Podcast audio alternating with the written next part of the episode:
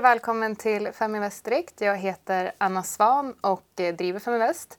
Idag har vi samma gäst som vi hade förra veckan. Det är tyvärr ingen större än eh, Micke Syding men eh, det var han som fanns att tillgå så att vi får nöja oss med det för sista avsnittet år 2017. Vi ska snacka lite kort om säsongsmönster och det här julrallyt som vi potentiellt befinner oss i. Har Micke bytt ut sina björnar mot tjurar. Och eh, vi ska också reda ut begreppet fina bolag, se om vi hittar några gemensamma nämnare bakom eh, de som man ofta nämner som fina bolag. Men eh, Micke, börsen går ju i säsongsmönster och eh, det är december, det är snart jul. Och eh, det här brukar vara månaden för julrally och det ser ut att det, som att det kan bli så i år också efter en ganska volatil höst. Vad, vad tror du om julrallyt? Har du bytt ut dina björnar mot tjurar? Nej, det har jag inte. Jag har inte särskilt många björnar heller. Och, och vad gäller De har framförallt här... blivit mindre i år. Ja, precis. Att det, blir, det blir väldigt, väldigt lite kvar i portföljen.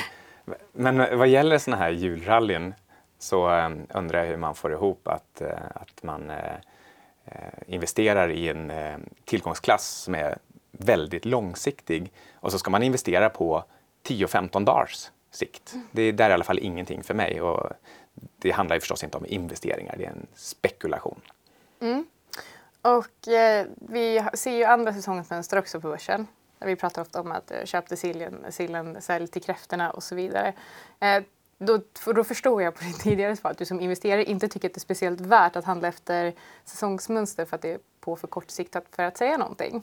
Eh, men jag tycker att det är lite intressant för att jag pratar ju ofta om att man ska, att, att i alla fall jag vill allokera om mitt kapital från bara aktier nu när börsen är rekorddyr till, eh, till andra tillgångsslag som är rekordbilliga. Och då får jag höra att nej Anna, man kan inte tajma marknaden och du kommer förlora jättemycket pengar om du gör så. Och då undrar jag hur man på fullt allvar kan säga köp till sillen, sälj till kräftorna och köp igen i december.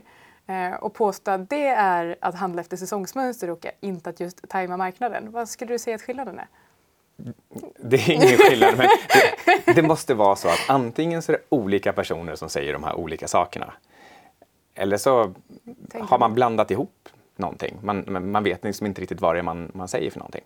Men eh, om, om, man, om man nu ska vara en person som inte tajmar marknaden men då kan man inte hålla på och köpa och sälja säsongsmönster. Så, så enkelt är det. Och därför så tror jag att det är olika personer som, som, som säger de här sakerna. Och det, det är typiskt så när man, eh, man pratar om olika grupper, att eh, det funkar inte. Du måste hitta en specifik individ och fråga den personen. Håller du på med sill och kräftor och, och, och köper och säljer aktier då?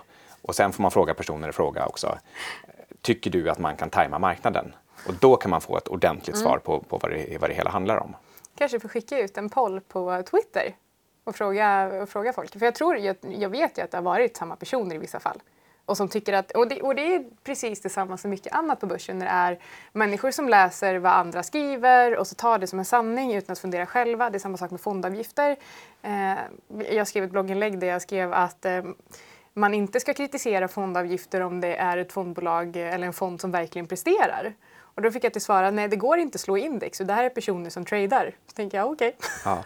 Nej, precis, det där ser man ofta folk som eh, till exempel också skriver ner ett antal handelsregler. Mm. Och det är liksom, klyschor och floskler som de har plockat upp lite från vänster och höger, inte ja. minst i sociala medier. Och ett par av punkterna går precis på tvärs mot mm. varandra, men det har de aldrig tänkt över. För det lät ju så bra när den där tanten på tv sa det. Men precis, för det är det jag menar. Jag tror att det är väldigt många som har hört att köp till sillen och sälj till kräftorna och också har hört att eh, Warren Buffett säger att man inte ska försöka, försöka tajma marknaden. Och de bara, så är det, det här är en sanning. Men man är så first level att man inte tänker att det här kanske eh, går emot varandra. Om man ska försöka få ihop det ändå, mm. då kan det vara så här, man ska inte tajma marknaden i stora cykler, det vill säga försöka fundera över om, om marknaden är dyr eller billig. Det, det kan vara en sak man kan säga. Mm.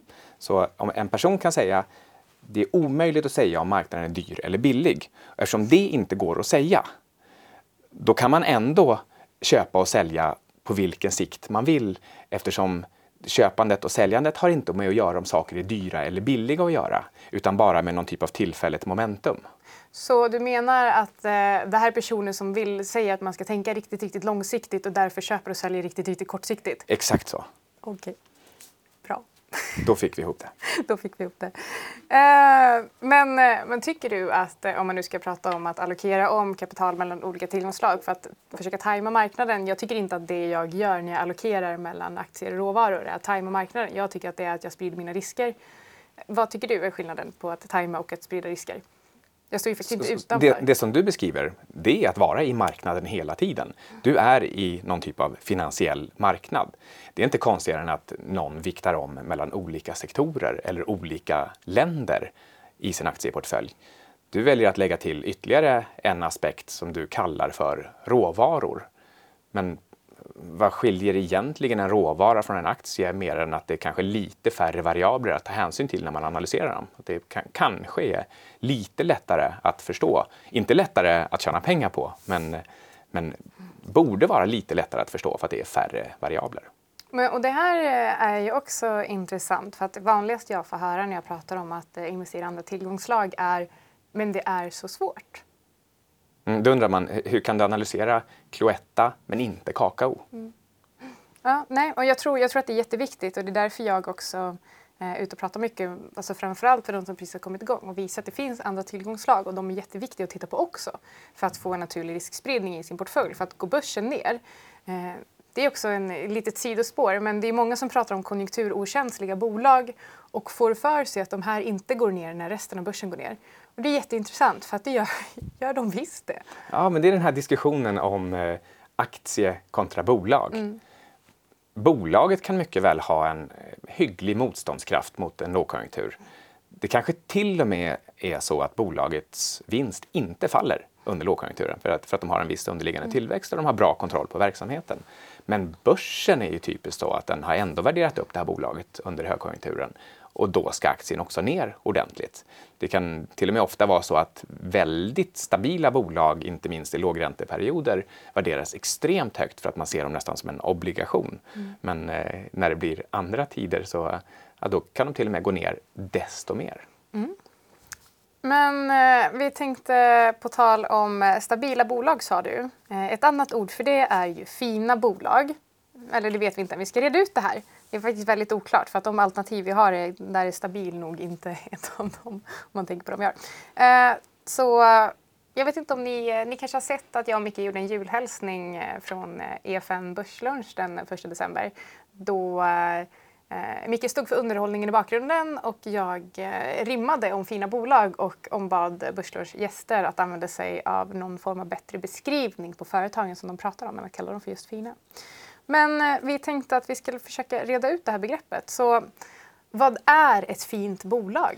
Eh, jag tror vi får skilja på i vilka sammanhang folk använder ordet fint bolag och vad ett teoretiskt sett fint bolag skulle kunna vara.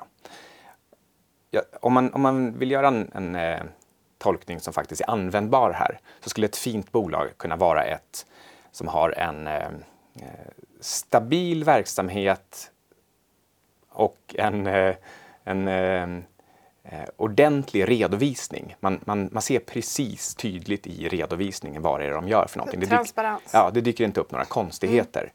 Sen, ah, sen, sen, bolaget behöver kanske inte vara stabilt i den meningen att det inte är konjunkturkänsligt, utan bara mer att det, att det är förutsägbart. Man, man, kan, man förstår vad som händer. Så, så det, det kan vara en sak. Um, generellt kanske man kan bara helt enkelt säga att det ska ha ett antal positiva kvaliteter som gör att man gärna vill investera i det. Och det kan man skilja sig åt från, från person till person. Det kan till exempel vara vinsttillväxt.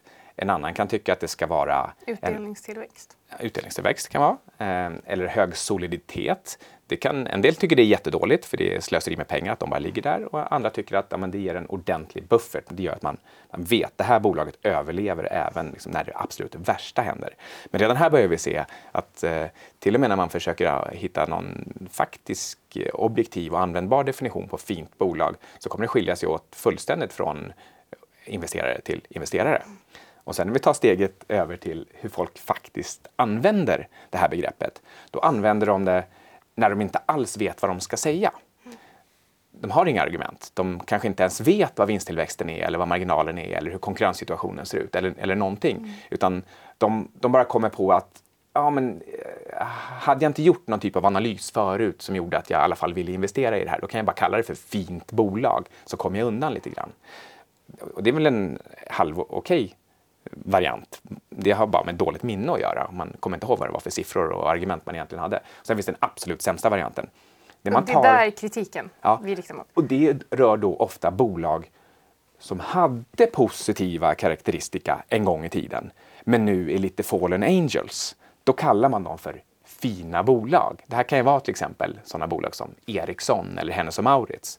De hade bra positiv historik. De har blivit stora börsbolag. De är inte minst gamla, så folk, folk har vant sig vid att de finns där. Så de kommer alltid finnas där? Det... Passar dig för, för, för, nya bolag på börsen. De är ganska fula faktiskt. Ja, nej, så eh, gamla, stora, mm. igenkända. Eh, men numera har man in, inga bra argument längre för varför man ska ha dem och då kallar man dem för fina. Mm. Men sen finns ännu ett steg och det är det, det är det kanske värsta av allt. Det är när man bara vill använda det här ordet fint som en slags renommésnyltning. Låt oss säga att Atlas Copco är ett fint bolag på riktigt. Att det har massa positiva egenskaper som gör att man vill investera i det, förutom att det är asdyrt just nu. Mm. Så, eh, så plötsligt så säger man det här om nystartade, nynoterade bolag på aktietorget. Mm. Ett fint bolag. Det här är ett fint bolag. Ja. Och, och, vad beror det på? Jo, man känner vdn. Jag har en ganska bra liknelse. Man skulle kunna säga att eh, definitionen av fina bolag har blivit lite som de som tror att fina viner är detsamma som gamla viner. Ja. Så att det spelar ingen roll hur de smakar, för det är ett gammalt vin och därmed är det ett fint vin. Så då sitter du där med din aktie eller ditt glas vin och så tycker du egentligen att det smakar skitäckligt, men på flaskan står det liksom 2002. Så säger du bara fint vin det här. Eller och så vill du gärna att andra också ska bli lite avundsjuka och ja. tycka att men det där kanske man skulle ha. För att det var ett bra beslut mm. du tog. Mm. Bra liknelse. Eh, men eh, så här, bolag som man brukar kalla fina, du har faktiskt nämnt eh, alla förutom en här. Det är framförallt H&M och det är framförallt Ericsson och det är Telia och Atlas Copco. Och då tänkte jag att vi skulle så här, försöka reda ut det här och se om vi hittar en gemensam nämnare för, att, för eh, vad som skulle kunna vara ett fint bolag. För jag hörde faktiskt en definition av fina bolag häromdagen som jag kände att jag kan skriva under på det men jag tycker fortfarande att man hellre kan använda den riktiga definitionen vär, alltså, bolag som bygger värde över lång tid. Men då kan man väl säga att det här är ett bolag som bygger värde över lång tid istället för att kalla det för fint bolag och därmed göra folk förvirrade. Ja. Eh, men vad har de här gemensamt? Ja, de säljer inte till privatpersoner. Alltså inte allihop. Så det har de inte gemensamt. Nej. Eh, de tillhör inte samma sektor eller bransch. Nej. Eh, Men de är stora. De, de har, stora. de har stort börsvärde och, och de är gamla. Mm. Ja, det är allt från Uh, alltså det är allt från nästan 200 miljarder till nästan 420 miljarder. Flera hundra miljarder, det är bokstavligen tusentals kronor. 10 000 euro. Ja, uh, ja det, det stämmer, det är korrekt. Mm. De har alla delar ut pengar men det är liksom direktavkastning mellan 1,8 procent upp till 5,3 procent. Så det är liksom inte det här mellan, mellan 3,3 och 5 procent direktavkastning, så det stämmer inte heller. Om man kollar på P talen så går det från minus 9,61 på Ericsson, billigt, det skulle man kunna påstå. Eller det är inte ens tvåsiffrigt. Nej, billigt, eh, billigt P-tal eller så är det ett misskött bolag, jag vet inte. Och eh, upp till 29 eh, för Atlas Copco. Och sen så har vi lite högt och lågt mellan. Telia har ett P-tal på 10 och H&M på 18,24 när vi spelar in där. Så det stämmer liksom inte riktigt heller. Så det är den enda... Ja, man kan väl knappast heller säga att, det är, eh, att de bygger värden över tid H&M givet hur, hur kursutvecklingen har Nej. varit historiskt. Atlas Copco har ju gått bra alltså framförallt de senaste fem åren. Mm. De var ganska volatilt på vägen upp men nu är de ju svindyra så jag hade inte vågat köpa nu i alla fall. Mm. Men just nu så är det en specialvariant av fint bolag. Mm. Det vill säga kursen har gått jättebra historiskt. Mm. Det brukar vara fint, mm. tycker många, för då är det bara att haka på. Men hur långt ska man bak ska man titta då? För att om vi tittar på H&M till exempel så har det ju gått bra historiskt fram tills för några år sedan. Mm. Så hur, hur långt bak ska vi, ska vi titta egentligen? Alltså, vi ska inte titta någonstans, Nej. för vi ska inte hålla på med fina bolag. Det är definitionen, själva mm. Ordet är helt meningslöst. Mm. Men eh, vad de gör på finans-tv, mm. eh, det är en annan sak. Ja. Där, tror jag att det, eh, då definierar du det som eh, någon gång när de noterades fram till den senaste eh, kurstoppen. Mm. Ja, eh, intressant. Jag tror faktiskt inte att vi eh, hittar något mer gemensamt än att de delar ut, har funnits på börsen länge. Eh, och jag kan väl också... Delar ut pengar nästan alla år? Ja, precis. Säga. Och i år har de, eh, 2017 har de gjort det i alla fall. Det är på tal om utdelning. H&M är ett sånt bolag som verkligen inte vill sänka sin utdelning men i år fick dela upp den på två. Mm. Det skulle jag inte vilja påstå är ett fint bolag för att anledningen till att H&M fick göra det var för att de inte hade råd att dela ut hela på och samma gång. Ja, det tycker, jag tycker också att det är ett dåligt tecken och så försöker de gömma det bakom att men det är väl bra att få utdelningen snabbare. Men mm. i princip, egentligen så får man väl utdelningen långsammare. Mm. Ja, precis. Nej, så det är lite intressant. Och eh, vi kan väl också konstatera att det här att, att kursen till exempel går ner med mellan 50 och 95 procent ibland. Eh, det hindrar inte att, det ett, att någon säger att det är ett fint bolag. Ericsson föll väl med 98 procent mm. utan att tappa status som mm. fint bolag. Och det är för att det har funnits på börsen länge och det är en folk, folkaktie. Men jag tror, jag tror att poängen, poängen med det här är att när du köper ett bolag eller har investerat i ett bolag, om ditt enda argument för att faktiskt hålla kvar den här investeringen är att det är ett fint bolag eller någon annan säger till dig, titta på ett bolag, det är ett fint bolag. Var lite contrarian. Var, se vad, som, vad felet ligger egentligen. För har du inget annat argument, ja men då har du inga argument alls. Precis, ifrågasätt åtminstone. Om någon säger fint bolag, det finns det två saker du kan göra. Antingen så bara spring därifrån. Och det andra är ta fram siffrorna och räkna själv. Bortse från själva ordet fint bolag, för det betyder bara att den du pratade med har inte koll. Exakt. Eh, och eh, för att eh, avsluta... Man kan säga att det är en fint. Det är inte ens roligt. Jag har, ja. jag har inte ens fel. Du har inte ens fel. Och med det skämtet så vill vi önska god jul till alla. God jul. Tack så jättemycket för att ni har tittat och lyssnat så ses vi igen nästa år.